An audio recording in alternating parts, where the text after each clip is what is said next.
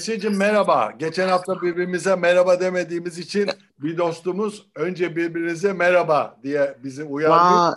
İyi, merhaba. iyi uyarmış. Merhaba, evet. merhaba Mehmet. Umarım iyisin bu hafta. Gerçi biz arada konuşuyoruz. evet, o izleyicimiz onu bilmediği için. E, hem onu bilmediği hem de Hakan'ın bizi sürekli zaman şeyine soktuğunu evet, bilmediği için gibi. biz merhabadan bile tasarruf etmeye çalışıyoruz. Ama gayet Mehmet, iyi görünüyorsun. Gayet iyi görünüyorsun. Teşekkür ederim. Sen de öyle. Sen de öyle. Mehmet e, gene karıştı. Yani hiçbir zaman böyle rahat olup böyle bir dünya turu falan yapamayacağız. Dünya bir dünya bizi kendi peşinden sürüklemeye başladı.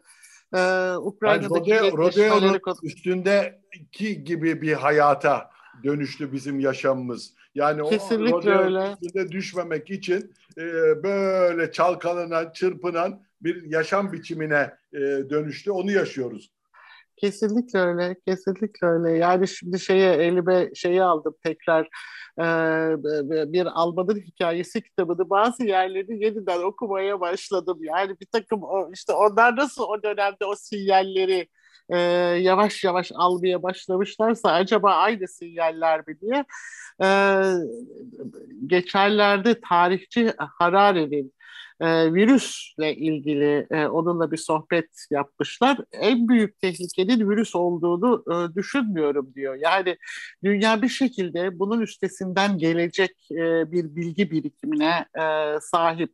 Ama en büyük tehlikenin insanların aptallığı olduğunu düşünüyorum diyor. Yani demiş o. Ya insanlar aptal olmasa harika olacak diye.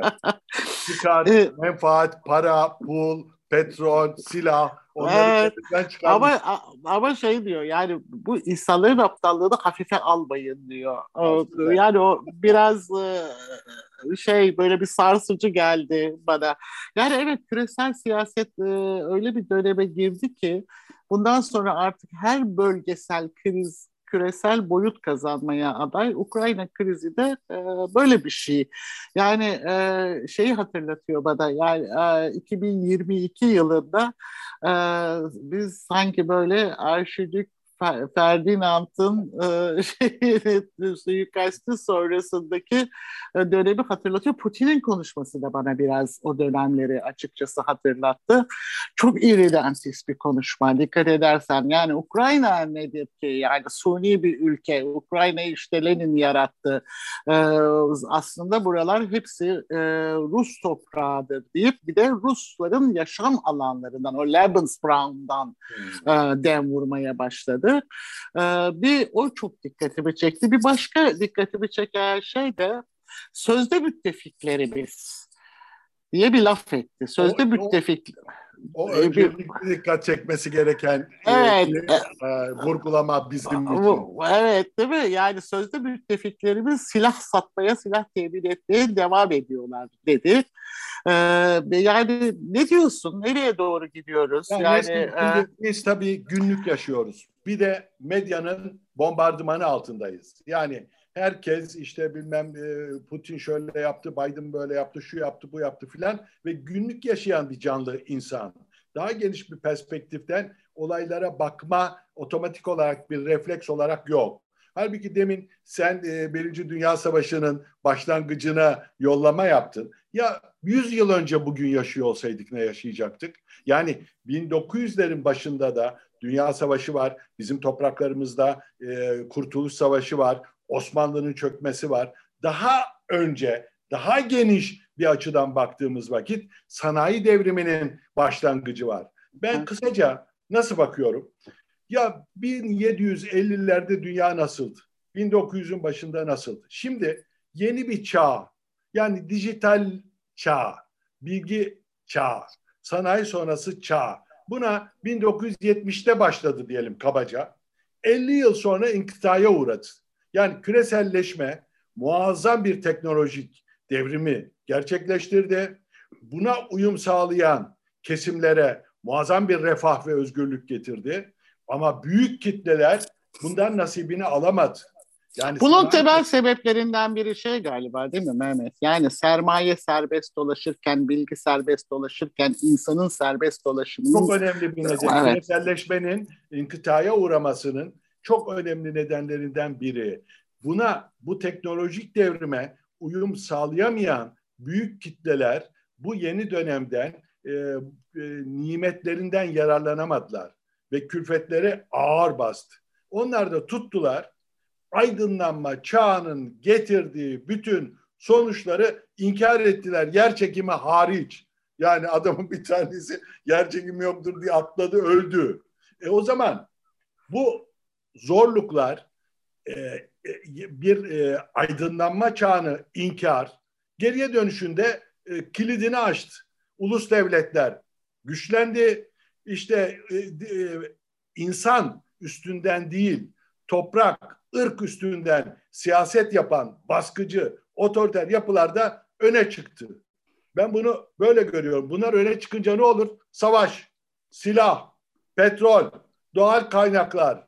Ya insanın beyni, inovasyonu, bir şekilde teknolojisi, insanın özgürlüğü, insanın refahı geri gitti. Zaten bunları konuşmuyoruz. Şimdi bak çok hoş. Sen neyi hatırlattın? Birinci Dünya Savaşı'nı. Halbuki bir de uzayda web uzay gözlem evi var ya. Var evet işte, doğru. Tabii şey oluyor yani şimdi şu geldiğimiz e, şeyde e, anda ee, yani dünya çapında hali hazırdaki devletler düzeninin, uluslararası ilişkiler evet. mantığının, teamüllerin, kuralların hepsinin ortadan e, kalkmasına uzanacak bir hamleden söz ediyoruz. Yani Putin'in hamlesini ben biraz böyle okuyorum. Yani bütün dünya düzenini, kurulu düzenini kökünden sarsan e, bir hamle bu.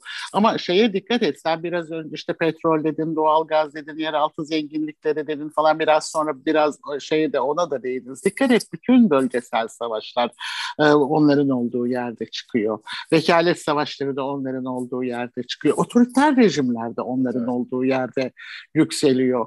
E, sonra şeye bakıyorsun e, yani dünyada bütün otoriter liderlerin işte geçmişte Trump'tan ki yeniden sanki böyle bir Trump ayağa kalkmış gibi tweetlerini gördün, mesajlarını gördün herhalde e, işte Bolsonaro'suna, işte e, Hindistan'ına, e, Orban'ına kadar Putin'e baktığın zaman hepsi birbirini besleyen, destekleyen e, ve yani demokrasiye, insan haklarına, özgürlüklere falan böyle tekmelenecek kavramlar olarak bakan, e, onun dışında e, işte kendi milliyetçiliklerini köpürterek o otoriter e, şeyi yapıyı konsolide etmeye çalışan ve e, askeri gücü de çok fütursuzca kullanabilen e, ülkeler e, bu, bu, bu dünya düzenini e, sarsmaya başladı. Yani buna e, belki e, Bekir'in tabiriyle e, ara buzul dönemi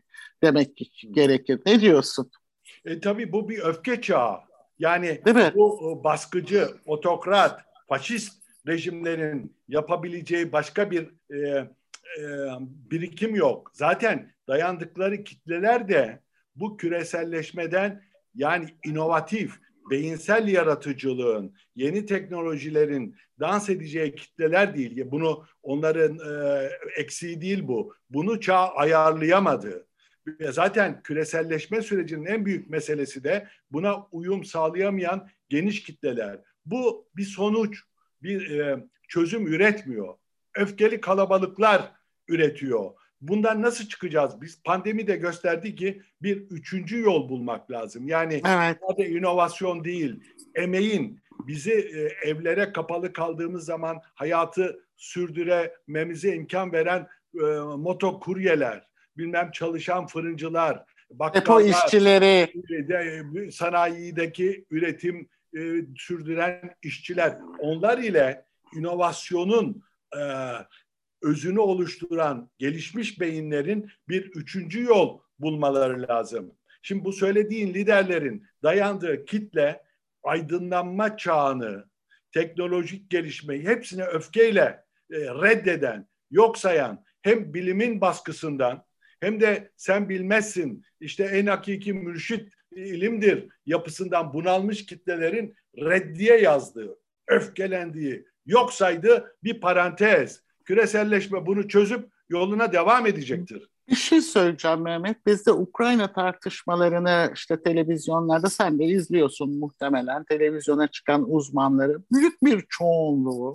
bu tartışmalarda e, dikkat et bütün e, bunların arkasında, kötülüklerin arkasında e, işte şeytan olduğunu düşündükleri Amerika'yı gören, işte ABD'nin hegemonyası sarsılıyor, bu nedenle savaşa ihtiyacı var, e, işte onun için Ukrayna'da bu savaşı zorla kışkırttı diyen e, Putin'in, bugünkü Putin Rusyasıyla Sovyet Sosyalist Cumhuriyetler Birliği'ni özdeşleştiren ve hala romantik bir biçimde internasyonel dayanışma hayali içinde olan da bir kitle var. Buna buna dikkat ediyor musun? Yani e, bu bu bu bunu da böyle açıkçası biraz şaşkınlıkla izliyorum. Çünkü yani 2008'de Gürcistan'a ne yaptıysa, 2014'te Kırım'a ne yaptıysa, şimdi de işte Ukrayna'ya bir şekilde dilim dilim o eski Rus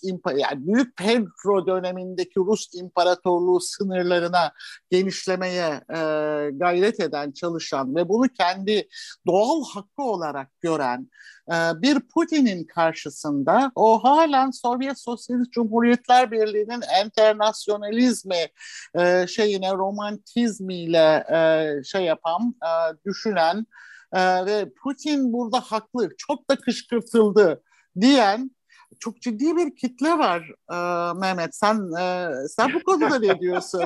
Yani bu ben buna böyle şeyle biraz açıkçası ya bunlar Türkiye dehşetle dehşetle izliyorum doğru evet, tabii çok haklısın gerekirse. ama çok da güzel bir yere dokundun. Harika bir yere dokundun. Şimdi Türkiye İşçi Partisi 1965'lerde Türkiye'ye sosyalizmi e, telaffuz edip yaymaya çalışırken enternasyonalist, emeğin evrensel haklarını buraya anlatmaya çalışırken onlara komünistler Moskova'ya diye bağırıyorlardı. Şimdi aradan bunca zaman geçti. Baktın bir herkes bir şekilde Rusyacı olmuş. Ee, bilmem e, evet. Putin, Putinci olmuş. Neden? Çünkü Türkiye'de benim zaman zaman ikimiz konuşurken e, liberal demokrasi karşıtları, sabah akşam liberal demokratlara sövenlere e, kısaca söylediğim e, sıfatlar var. Mesela bunları niye diyorum? E, diyorum ki askeri vesayet isteyenler, ulusalcı faşistler, bilmem e, kripto ergenekoncular. Neden? Çünkü bunu... Mehmet bir dakika dikkatli konuş. Yani tekrar bize şey küfrettirme. Ya sen dayanabilirsin ben dayanamıyorum, kaldıramıyorum. Onu Hayır, zaten küfrettikleri için söylüyorum. Yani liberal demokrasi karşıtlığı aynı zamanda e, bir batı değerlerinin, temel hak ve özgürlüklerin karşıtlığı. Bu düşünce bugün AK Parti'nin koalisyon ortağı, Avrasya'nın etkin olmasını isteyen, yani Putin'in e, hiçbirisinde bu e, dikkatini çekerim. O analizlere ben de bakıyorum. Bir tek demokrasi kelimesi duymuyorum. Yok, yani hayır, yok. Rejimde demokrasi yoksa bayılıyorlar buna ya. Yani Aslında Putin, Putin mesela Çin, peki özellikleri ne? Demokrasi yok. Türkiye'de evet. durum ne? Demokrasinin yok olması. Onun için çok önemli bir şey bu. Yani aslında bu işin bütün kökeninde demokrasilerin geri çekilmesi yatıyor. Yani e, Ukrayna Tabii. ihtilafı ta, belki de demokrasiyle totalitarizmin e, Batı ile işte Çin, Rusya sıcak çatışmasına doğru belki de gidiyor bilmiyorum. E, ama e, yani beni hakikaten bu yorumcular içinde buna şey de dahil yani işte senin biraz önce o saydığın e, çevre içinde sadece e, bütün meselelere o işte sol internasyonalizm penceresinden bakan değil, emekli generaller falan da dahil. Yani Esas efendim Putin sonuna kadar haklı. Putin de çok kışkırtıldı. Yani u, u, uluslararası devletler düzenini bu, bozup bütün bunları Amerika şeytan şeytan Amerika'ya yükleme e, yani bu, bu, böyle bir kolaycılık Biden, var. Biden e, ne dedi? Demokrasi rönesansını yaparak bu ömrümün siyasi kısmını kapatacağım dedi. Şimdi demokrasi rönesansı yapacağım diyen bir lider ile kendi muhaliflerini öldüren, zehirleyen bir adam var. Sen bundan hangisini bir şekilde tercih edersin? Esas birinci soru bu. Eğer Ukrayna ile Rusya arasında analiz yapacaksan ilk soruyu sor. Bilmem muhalifini, siyasi muhalifini zehirleyerek öldüren mi? Bir şekilde demokrasi rönesansı yaparak siyasi yaşamıma son vereceğim diyen mi? Şimdi buradaki mesele aslında bir analiz değil. Bu mesele Türkiye'nin iktidarına ulusalcılıkla e, koalisyon ortağı olmuş olanların e, Putin rejimine bayılmaları, Avrasya Beşli Çangay grubunda daha rahat hissetmeleri ve bugünkü mevcut koalisyonu bozmamak istemeleri yatıyor. Yoksa bunların kesinlikle, bir kesinlikle. anlamda analiz değil. E ne zaman siz solcu oldunuz ya? Ne zaman bir şekilde e, Putin'den Sovyetler varken neredeydiniz siz? Rusya olunca Putinci ve Moskovacı oldular ama Sovyetler Birliği varken, varken en büyük düşmanı sizdiniz. Evet, e bu garip büyük... değil mi? Ama evet. sihirli kelime demokrasi. Bak geçenlerde İlhan Uzgel çok güzel bir şey yazmış. Kısaca orada bir şey sana okuyayım İlhan Uzgel'in yazdığında. Diyor ki kendimizi İkinci Dünya Savaşı döneminden kalan ikinci bir yüzdeler anlaşması modelinin tam göbeğinde bulabiliriz diyor. Trump'ın, Putin'in, Xi'nin, Bolsonaro'nun, Orban'ın, işte Lukashenko'nun, Erdoğan'ın, Duterte ve Modi ile diğer benzerlerinin hakim olduğu ve birbirinin iktidarını karşılıklı besleyerek, birbirine yaslanarak öbür boyu başta kalacakları bir otoriter rejimler ütopyası ki gerçekleşme ihtimali bir hayli yüksek diyor. Şimdi mesela senin seveceğin bir örnek vereyim bu söylediğini. Ya en çok bugünkü Putin'i ve Moskova'yı destekleyen kim? Venezuela. Evet. Hemen anında. Yani anında. O Sonra resmi, Suriye ilk şeyde ilk tanıyan Suriye biliyorsun. Kimlerin desteklediğini sıralarsan çok net neyi e, bir şekilde öne çıkarmak istediğini görürsün. Onun, buradaki önemli şey ya sen insan en yüce, en kutsal canlı, en değerli e, bizim için e, onun insanın en yüce değer olduğuna inanıyor musun, inanmıyor musun? Bu mesele devletler, askerler, ordular, silahlanma yarışları değildir. İnsanın özgürlüğüdür, kutsallığıdır, bireyin bir şekilde refadır. Şimdi bu kavga, e, itiş kakış silahçılara mı daha çok getiriyor? Yoksa spota kuryeyle günlük harcırağını çıkarmak isteyen emeğiyle e, çalışan Migros işçilerine mi, e, bilmem Trendyol çalışanlarına mı, fırıncılara mı, ekmekçilere mi, işçilere mi getiriyor? Bu insan unsuru üstünden bakmayı engelleyen bir çaba var. Şimdi tam da buradan yani aslında daha fazla konuşmaya çok da şey gerek yok. Tam da buradan Credit Suisse'te çıkan ilk çıkan hesaplara bir geç. Şimdi senin söylediğinden oraya geçelim. Yani kimler çıkıyor?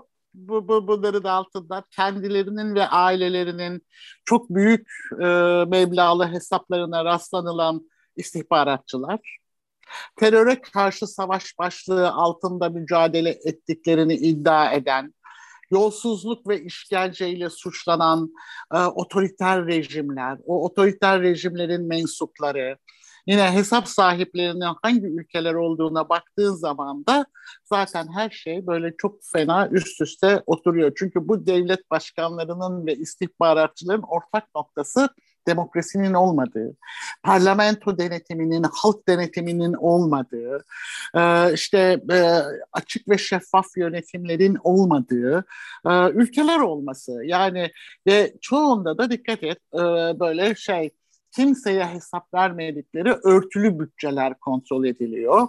Hepsinin hepsi aslında birer istihbarat devleti, birer güvenlik devleti, çok katı güvenlik devletleri. Hatta devlet algısı eşittir güçlü bir istihbarat örgütüne sahip olmak gibi özetlenebilecek devletler bunlar.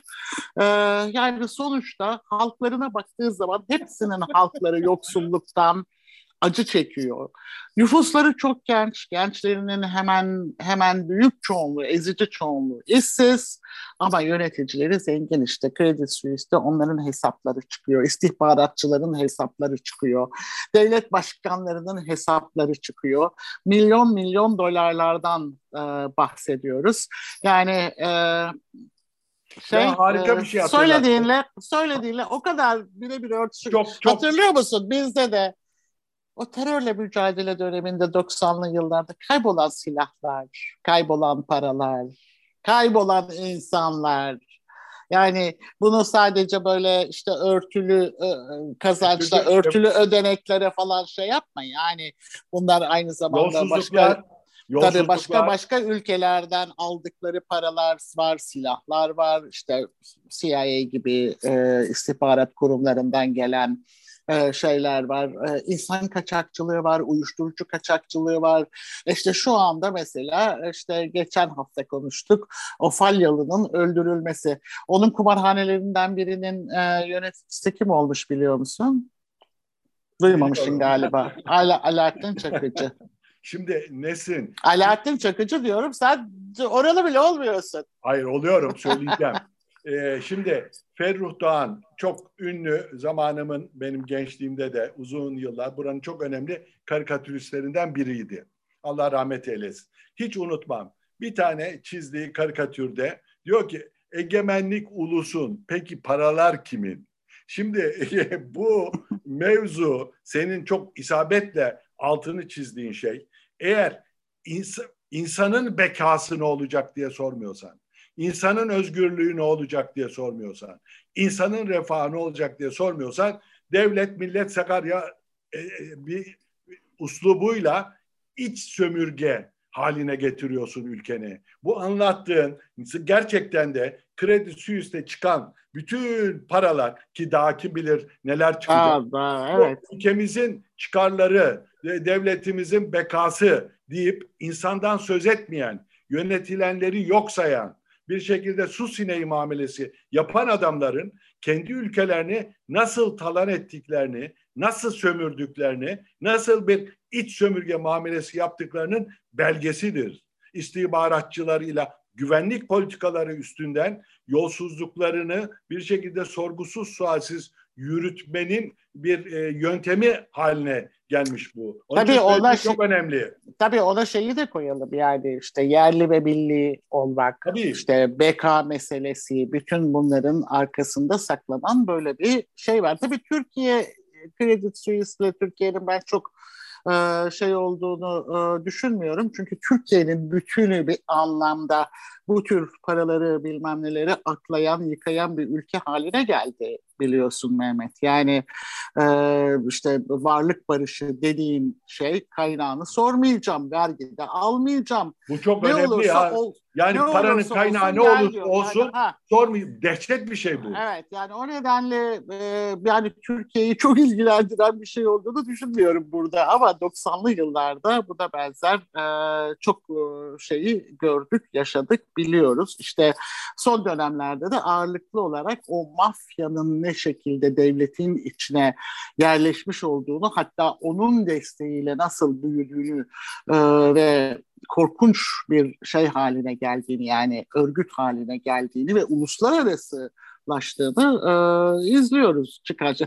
Eski eski CIA ajanı Bayer e, şöyle bir şey söylemiş. Bak e, diyor ki e, mübarek diyor Hüsnü Mübarek'le ilgili generallerinin ve istihbarat şeflerinin para çalmasını istiyordu diyor. Çünkü böyle bir pozisyonda para çalmayan kimseye güvenilmez diyor. Dosyası olacak. Dosyası e, olacak. Ya bu zaten ya ama, ama o tespit. bugünü de anlatıyor.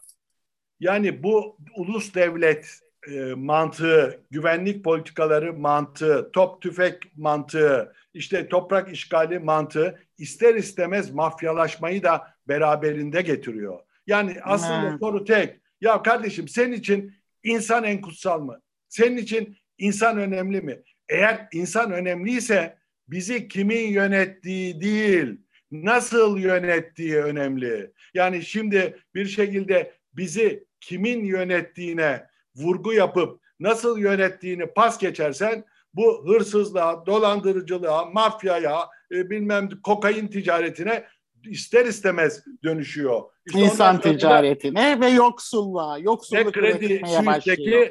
bankalardaki o kara paralara dönüşüyor. Bak son olarak şunu söyleyeyim onunla bitirelim. Ee, yeni bu ee, Bertelsmann Vakfı'nın 2022 dönüşüm endeksini e, gördün mü? Son 10 yılda 137 ülke arasında demokrasi ve hukuk devletinin en çok gerilediği ülke Türkiye olmuş. Bu bu vakfın raporlarını çok evet, önemsiyorum ben. Ee, çünkü 120 ülkeden 250'den fazla uluslararası uzmanın e, derlediği veriler ve analizlere dayanan bir rapor. O nedenle Dünya Bankası Kalkınma Ajansları tarafından da dikkate alınan bir rapor. Ve üç şey söylüyor. Diyor ki bir otoriterleşmenin konsolidasyonu başladı diyor. Ekonomik kırılganlık kaç safhada diyor ve dış politika açısından da öngörülemeyen ve güvenilmez partner ifadesi vurgulanıyor. Ben ona sana popüler söyleyeyim, programı öyle kapatalım. Subliminal mesajla darbe yaptığı iddiasını öne süren savcıların ve buna müebbet veren mahkemelerin olduğu bir ülkede gene de az gerilemişiz. Daha da olması gerekirdi diyorsun. Evet programı bugünkü programda böyle. Biz de biraz farklı yönlerinden bakmaya çalıştık. Evet, ee, iyi haftalar dileyelim. Herkese, herkese ve sağlıklı, huzurlu bir dünya inşallah. Allah bize İnşallah, nasip etsin. Umarım. Son ömrümüzde.